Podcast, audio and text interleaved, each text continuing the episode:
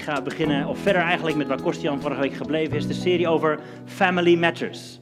Family Matters. Dat is natuurlijk een beetje een woordspeling. Family Matters betekent, we vinden familie belangrijk.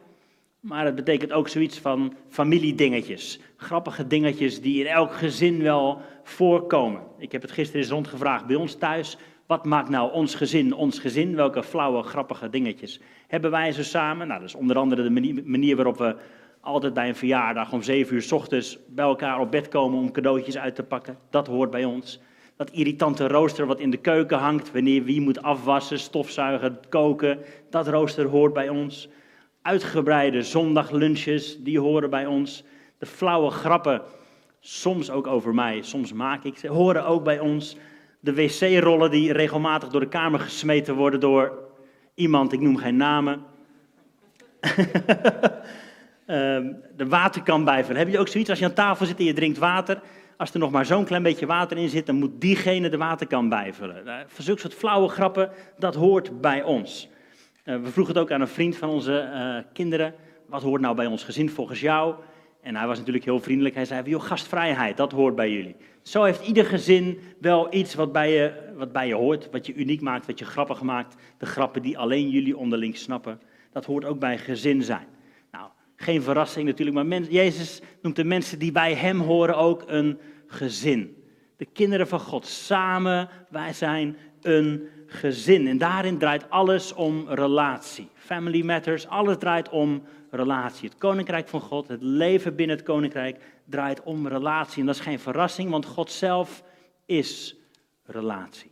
Dat leren we al helemaal aan het begin van de Bijbel. Genesis 1, vers 1 lezen we dat natuurlijk. In het begin schiep God de hemel en de aarde. De aarde was woest en leeg en de duisternis lag over de watervloed. En de geest van God zweefde over het water en God sprak. Laat er licht zijn. Hier helemaal in het begin maken we al kennis met God die relatie is. Vader, Zoon en Geest. De Geest van God, het Woord van God, de Vader samen zijn één. God is relatie. Relatie is niet alleen maar wat hij doet, het is wie hij is in zichzelf. Dit is wie God is. Drie ene God. En hij ziet alleen maar relatie, hij is liefde. Dat lezen we door de hele Bijbel heen, wordt het telkens weer duidelijk. Bijvoorbeeld 1 Johannes 4, God is liefde. En wie in de liefde blijft, blijft in God en God in hem. Ik wil dit erover zeggen. Je kunt er uren over doorpraten. God is niet de liefde en God is heilig. Nee, nee. God is liefde. En binnen liefde valt heiligheid, genade, trouw, soms straffen, soms alles valt onder. Dat is God is liefde. En liefde veronderstelt vrijheid, wederkerigheid, geven en ontvangen. Dit is waarin Jezus ons ook uitnodigt om samen met Hem in die relatie, in die liefde te komen. Dat is wat Jezus onder andere bidt in Johannes 17. Opdat zij één zullen zijn, Vader. Het hoge priesterlijk gebed. Dit is, dit is wat Jezus voor jou en mij op dit moment ook bidt. Opdat ze één zijn. Opdat ze in die relatie met ons zullen zijn. U, Vader, in mij, ik in u. Opdat zij ook in ons één zullen zijn. Dat is wat Jezus voor ons bidt. Paulus, een paar jaar later, schrijft hij over de gemeente en vergelijkt hij ons met een lichaam. Samen zijn we één lichaam. Jij bent de hand, jij bent de voet, jij bent de hoofdharen, die heb ik niet, jij bent de teen. Iedereen heeft hier wat anders, maar samen zijn we één lichaam.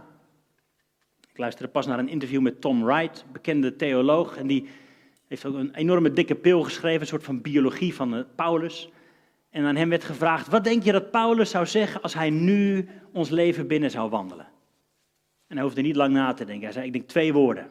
Eenheid en heiligheid.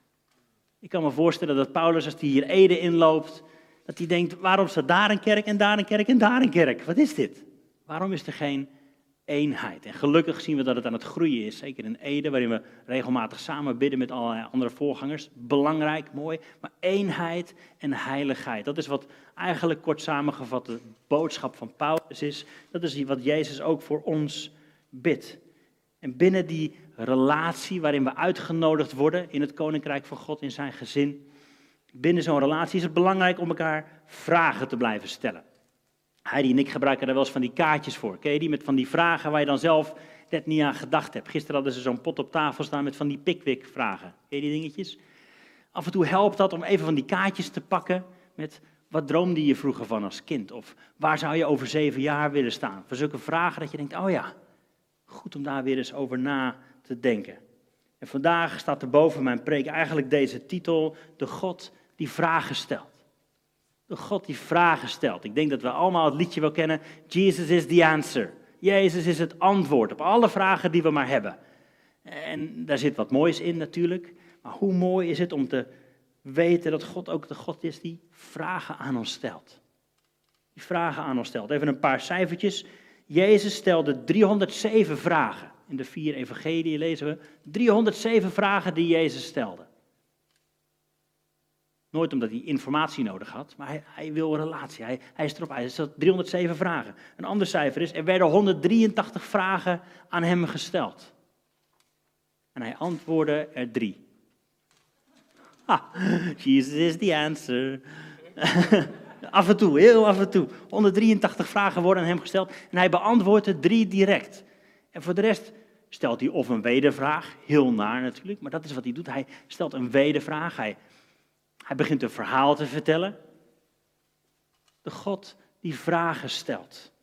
Wij zijn denk ik nu snel een cultuur van, van die one-liners, van makkelijke, snelle antwoorden. Iedereen moet overal een antwoord op weten en anders is het naar en vervelend. Maar dit, wij dienen een God die vragen aan ons stelt. Een paar voorbeelden van vragen die Jezus stelt. Wie zeg jij dat ik ben? Wie zeg jij dat ik ben? Of waarom ben je bang? Waarom twijfel je? Gaan jullie ook niet weg? Hoe lees jij wat er in de Bijbel staat? Wie heeft me aangeraakt? Heb je me lief? Hou je van me? Mijn God, waarom hebt u mij verlaten? Of later, na zijn opstanding, hey, hebben jullie iets te eten? Of deze ook, waarom snap je niet wat ik zeg? Wil je beter worden? deze. Wat wil je dat ik voor je doe? Stuk voor stuk vragen die God aan ons stelt. Die Jezus in relatie met zijn discipelen, met zijn naasten stelt. De God die relatie zoekt. God is niet de God van makkelijke antwoorden. Dat is denk ik een valkuil geweest voor ons als kerk eeuwenlang om continu op zoek te gaan naar de antwoorden en alles in hokjes en vakjes te plaatsen, zodat we mooie, systematische theologieën kunnen hebben. En dat heeft een waarde, maar dat is ook een valkuil, want niet alles past in een hokje. Soms zijn er vragen die overblijven. Ik wil vandaag met name kijken naar twee vragen die God in de Bijbel stelt. De eerste vraag is deze, Genesis 3. Wie weet hem? Waar ben je? Adam, waar ben je? God die door de tuin loopt en hij is op zoek naar Adam en Eva. Misschien ken je het verhaal wel. Als je op bent gegroeid in de kerk, dan ken je dat verhaal. Adam en Eva die als eerste mensen geplaatst zijn in de tuin. En die mochten eten van alles behalve van die boom. In het midden van de tuin, van de kennis van goed en kwaad. En er is die verleiding hè, door de slang die zegt, joh, heeft God dat nou echt wel gezegd? En ze plukken toch die vrucht van de boom. En daarna komt er schaamte. Daarna komt er schaamte. En ze verstoppen zich. Adam en Eva die weten, we hebben iets gedaan wat niet van God mocht. God had ons verboden om van die vruchten te nemen, dat hebben we toch gedaan. En ze verstoppen zich voor de God met wie ze normaal gesproken door de tuin liepen en relatie hadden. En ze verstoppen zich, ze maken van vijgenbladeren kleding, want ze hadden ontdekt dat ze naakt waren. En ze zijn verstopt. En dan komt deze eerste vraag. God die door de tuin loopt en vraagt, Adam, waar ben je? Wist God echt niet waar Adam was? Had hij informatie nodig? Een paar dingen over deze vraag. Adam heeft zich dus verstopt. Eva heeft zich verstopt. Adam betekent de mens. De mens die zich verstopt heeft voor God. Ik zei het al, uit, uit angst, uit schaamte voor wat ze hebben gedaan, voor wat hen is aangedaan. En dat is tot op de dag van vandaag nog steeds hetzelfde. Als we weten dat we iets hebben gedaan wat niet mag, dat begint al bij hele kleine kinderen. Als ze iets hebben gedaan wat niet mag en ze weten het, dan zitten ze achter de bank verstopt. Dan zijn ze er even niet. wordt het denk ik heel stil in huis. Maar dat doen wij ook nog steeds. Als we weten, we hebben iets gedaan wat niet mag, dan verstoppen we ons. Dan onttrekken we ons uit relaties. Dan hebben we in één keer een muurtje om ons heen of een façade. Maar we verstoppen ons. Maar dat geldt ook voor ons als ons iets is aangedaan. Ze weten, we zijn misleid door die slang. Ons is iets aangedaan. En ook dan is de reactie, ik verstop me. Er is schaamte. Het gebeurt ook vandaag nog. Ik denk dat de hulpverlening vol zit met mensen die iets is aangedaan. Op fysiek, op emotioneel vlak. En we verstoppen ons. We durven niet meer om in relatie te komen met anderen, want ons is iets aangedaan. Er is twijfel misschien ook wel over het karakter van God. Adam en Eva wandelden met hem, ze kenden hem. En dan ineens, ja, maar nu hebben we iets gedaan wat niet mocht. En hoe gaat hij nu dan wel niet reageren? Wat gebeurt er? Hoe verstoppen ze zich? Ik noemde net al, ze hadden van vijgenbladeren kleding gemaakt. Ooit een theoloog dit hoorde zeggen. Het is niet verrassend dat eeuwen later Jezus juist de vijgenboom vervloekt. En zegt, je zult geen bladeren meer hebben. Je zult geen vrucht meer voortbrengen. Het lijkt wel een lijn te zijn tussen de God die daar waar de mens zich mee heeft willen verstoppen, noem het religie, daarvan zegt hij, je tijd is gekomen. Het heeft geen waarde meer. Kom tevoorschijn. Verstop je niet langer achter die vijgenbladeren. Stop je niet langer achter religie. Je hoeft niet zelf iets in elkaar te knopen om mij onder ogen te komen. Mag komen zoals je bent. Religie is niet nodig. Ik zoek relatie. Een andere manier van je verstoppen zien we hier ook. Ja, die vrouw die u mij gegeven heeft, dat is wat Adam zegt. Of, of die slang die zei dit. Het wijzen naar anderen. Dat is ook een vorm van verstoppen, want we, we zoeken snel de schuld bij iemand anders. Hoe verstop jij je vandaag de dag voor God? Ik denk dat een valkuil voor ons allemaal is, is de continue afleiding die we hebben. Wanneer ben je voor het laatst stil geweest? Heb je geluisterd? Heb je God ontmoet? Hoe verstop jij je? Twee dingen wil ik zeggen over wanneer God een vraag stelt. Wanneer God een vraag stelt, is hij nooit op zoek naar informatie, maar naar relatie. Wanneer God een vraag stelt, is hij nooit op zoek naar informatie, maar naar relatie. En wanneer God een vraag stelt, wil hij je niet veroordelen, maar wil hij zijn hart met je delen. Want die vraag, Adam, waar ben je? Die horen we misschien in ons hoofd maar al te vaak zoals, hey Adam, waar ben je? Toch? Zo horen we hem vaak. Als iemand die boos is, die het wel even recht komt zetten. Die die zal vertellen wat je allemaal fout hebt gedaan.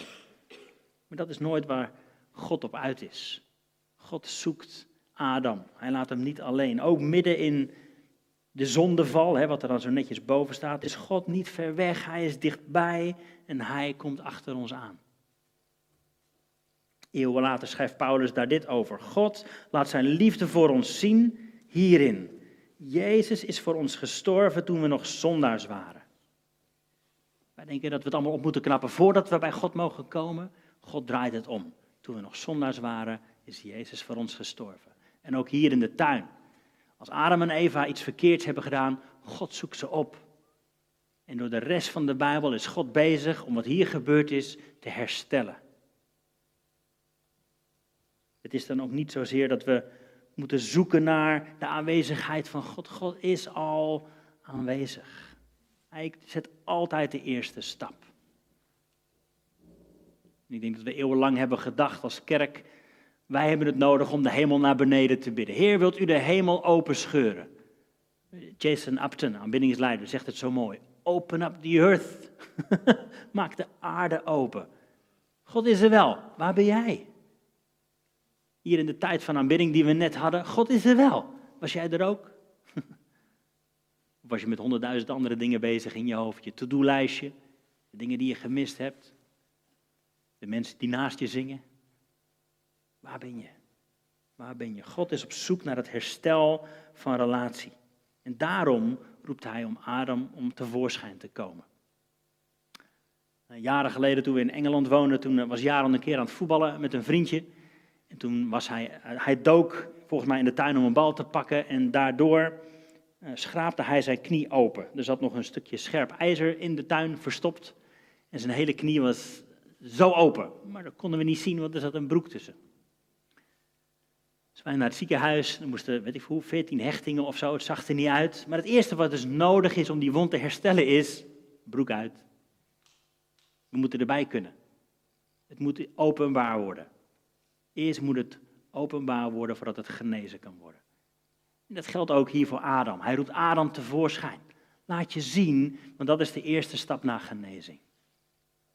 De eerste stap naar genezing. Geldt ook voor jou en mij. Kom tevoorschijn. En daar vandaan komt genezing, herstel, redding, bevrijding. En in alles, en ook hierin komen we telkens weer op terug, in alles zien we dat Jezus ons voorbeeld is. Ook in deze vragen. Jezus laat zien wie God is. Het hart van God. Las het net voor. Hij is gestorven voor ons toen we nog zondaars waren, toen we nog ver weg waren. Hij is ook hier in ons voorbeeld dat hij laat zien wat het betekent om mens te zijn. Wat het betekent om als mens in relatie met God te leven. Jezus die telkens weer zijn vader opzoekt. Zich telkens even terugtrekt uit de drukte en zijn vader ontmoet. Adam, waar ben je? Niet veel later komt de tweede vraag. Een hoofdstukje later, in Genesis 4, Adam en Eva hebben kinderen gekregen, Kain en Abel. Dat ging niet goed. Ze gingen allebei hun offer brengen aan God, zowel Kain als Abel. En er staat er dat God het offer van Abel wel aannam en van Kain niet. En daar kun je hele Bijbelstudies over doen, maar uiteindelijk komt het hierop neer dat Kain zijn broer vermoordt. Heftig verhaal. En dan komt de vraag van God. Kain, waar is je broer? Waar is je broer? En ook vandaag is dat de vraag voor ons. Natuurlijk, waar ben jij? Maar daarna deze vraag. Waar is je broer? Waar is je naaste? Wie is je naaste? Dat zien we zeker in het leven van Jezus, dat hij die twee dingen naast elkaar legt. Hè? Je God liefhebben en je naaste liefhebben. Matthäus 22 staat dit. Jezus zei over het grote gebod, u zult de Heer uw God liefhebben met heel uw hart, heel uw ziel, heel uw verstand. Dat is het eerste en het grote gebod. En het tweede, hieraan gelijk is, u zult uw naaste liefhebben als uzelf. Deze twee geboden, daaraan hangt heel de wet en de profeten. God liefhebben en je naaste liefhebben. Waar is je broer? Een paar jaar later schrijft Paulus dit erover. Er is niemand iets schuldig dan elkaar lief te hebben, want wie de ander lief heeft, heeft de wet vervuld. Want dit, u zult geen overspel plegen, niet doden, niet stelen, geen vals getuigenis geven, niet begeren. Welk ander gebod er ook is, wordt hierin samengevat. U zult uw naaste lief hebben als uzelf. En een andere gemeente schrijft hij in Galaten, want de hele wet wordt in één woord vervuld. Hierin, u zult uw naaste lief hebben als uzelf. Ik denk dat het niet toevallig is dat ze dat eerste stukje over God liefhebben, dat wordt hier weggelaten. Is dat dan niet belangrijk? Ja, absoluut. Hoe doe je dat? Door je naaste lief te hebben. Door degene lief te hebben die gemaakt is in het beeld van God. Heb je naaste lief als jezelf. In 1 Korinthe, die bekende tekst, al spreek je met tongen als van engelen, of zou je profiteren, zou je geloof hebben, al je geld weggeven, elke zondag naar de kerk gegaan, op de juiste politieke partij stemmen, netjes je belasting betalen, maar je hebt de liefde niet, je hebt je broer niet lief, dan is het niks. Dan is het leeg. Waar is je broer? Ik denk dat dat de roeping van de kerk is. Om met die vraag telkens weer aan de gang te gaan. Waar is je broer? Waar is onze broer? Hier binnen? Naar buiten? Waar is hij? KN die vraagt, ben ik mijn broeders hoeder? Moet ik op hem passen? Moet ik op hem letten? Is dat mijn verantwoordelijkheid? Opnieuw, God geeft hierin geen antwoord, maar toch ook stiekem wel. Ja, natuurlijk.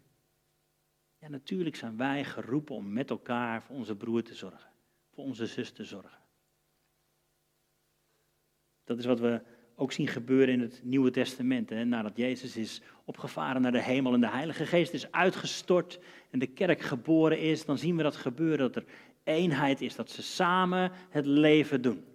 Dat er telkens mensen worden bijgevoegd, dat ze samen het leven delen. Ze zien om naar elkaar, niemand komt iets tekort. Dat is wat het betekent om gemeente te zijn, om lichaam van Jezus te zijn. Om een vooruitgeschoven post te zijn van het koninkrijk. Ik heb hierop geschreven, in het oude Rome, in de tijd van Paulus natuurlijk, had je Rome als stad.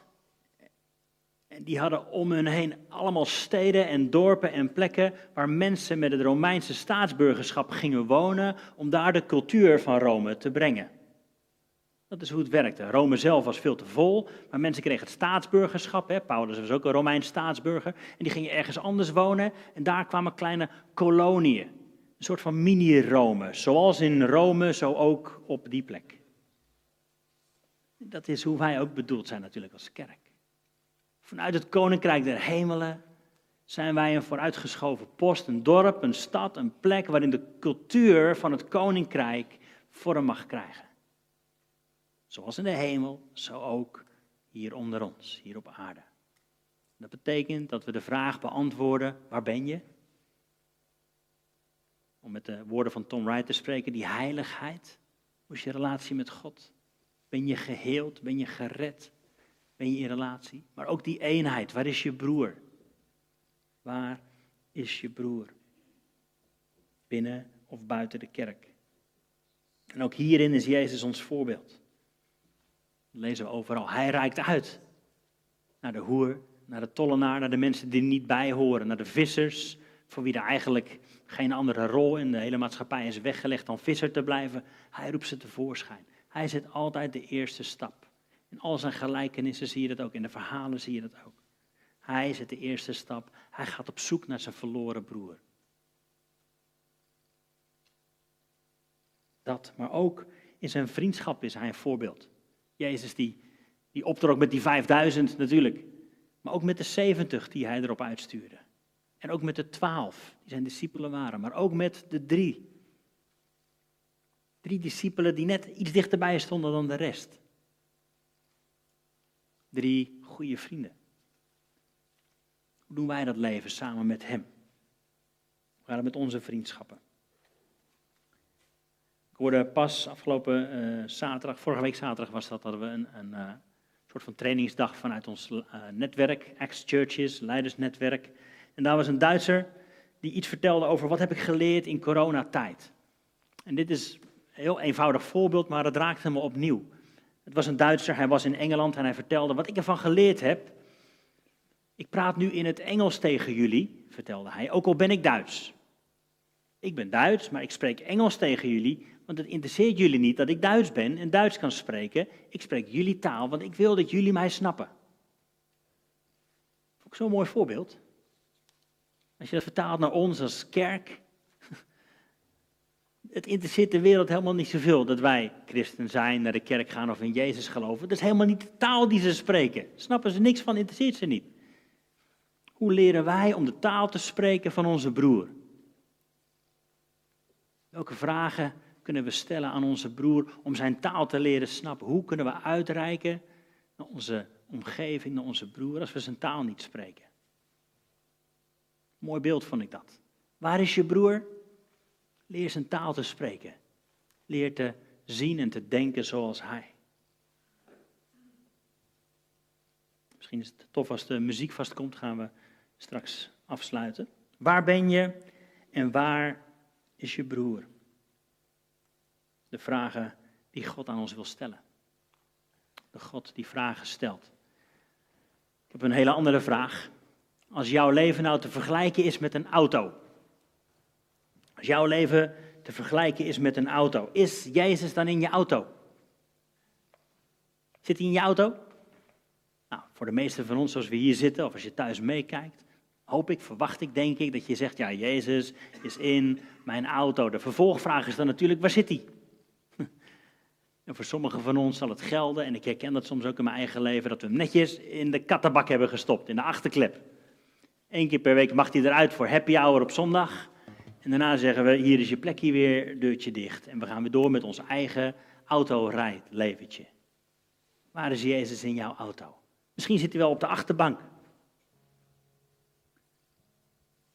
En heeft hij af en toe wat goede tips voor je over waar je naartoe mag rijden. Of zit hij naast je? Mag die kaart lezen? En natuurlijk is het het meest verstandig, en dat hoop ik dat je dat ook zo ervaart en weet en kent, dat Jezus achter het stuur zit. En dat Hij het stuur van jouw leven in handen heeft. Dat is mijn vraag. Als hij daar zit, als je hem daar toelaat, waar ga je zelf zitten? Ga je ernaast zitten en heb je commentaar? heb je dat ook wel eens? Mensen die ernaast je zitten en die, oeh, kijk uit, hoop eens op. Uh. Irritant is dat, hè? Ja. Ik was er zelf, toen Jaron net zijn rijbewijs had, toen was ik er zo eentje. Ging ik ernaast zitten, was altijd een beetje spannend. Ik zou zeggen, laat Jezus aan het stuur zitten, ga zelf achterin zitten. En als hij er dan voor kiest om te zeggen, weet je wat, vandaag nemen we de weg van vrijgevigheid. Rij dan met hem mee. Ga er niet naast zitten en zeggen, ja nee we moeten rechtsaf, dan gaat de verkeerde kant op, dat kan niet. Waar zit Jezus in je auto? Ik wil je gaan vragen om te gaan staan. En als dat voor jou een keuze is die je vandaag wilt maken om Jezus in je auto toe te laten, willen we graag voor je bidden straks. Hier komen, komen zo wat mensen staan van het gebedsteam. Doe dat niet alleen, maar nodig Hem uit in je leven. Maar daarnaast ook deze. Welke vraag stelt God op dit moment aan jou? Ik wil heel eenvoudig vragen, Heilige Geest, wilt u spreken tot ons hart? Natuurlijk zoeken we antwoorden en willen we weten wie en wat en waarom, Heer, maar bovenal willen we uw stem verstaan en ontdekken welke vraag stelt u vandaag aan mij.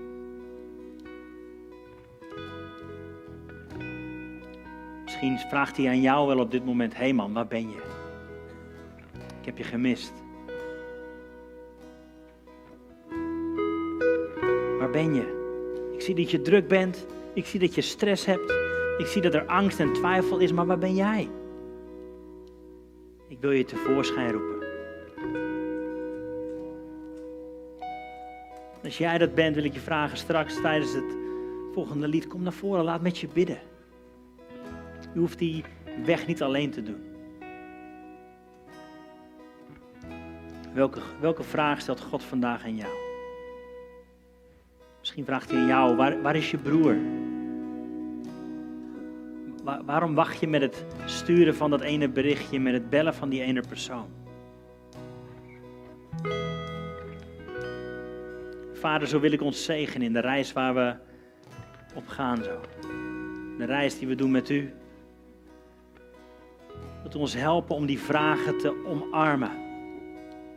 Om daarmee te worstelen, om daarmee samen na te denken. Om zo steeds meer in relatie met u te blijven en te komen.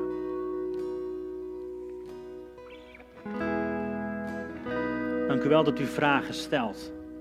Dank u wel dat u ons tevoorschijn roept. Dank u wel dat u het er niet bij laat zitten, maar dat u ons tot leven roept. Dat u ons wilt genezen en herstellen en ook op die manier deze wereld wilt insturen.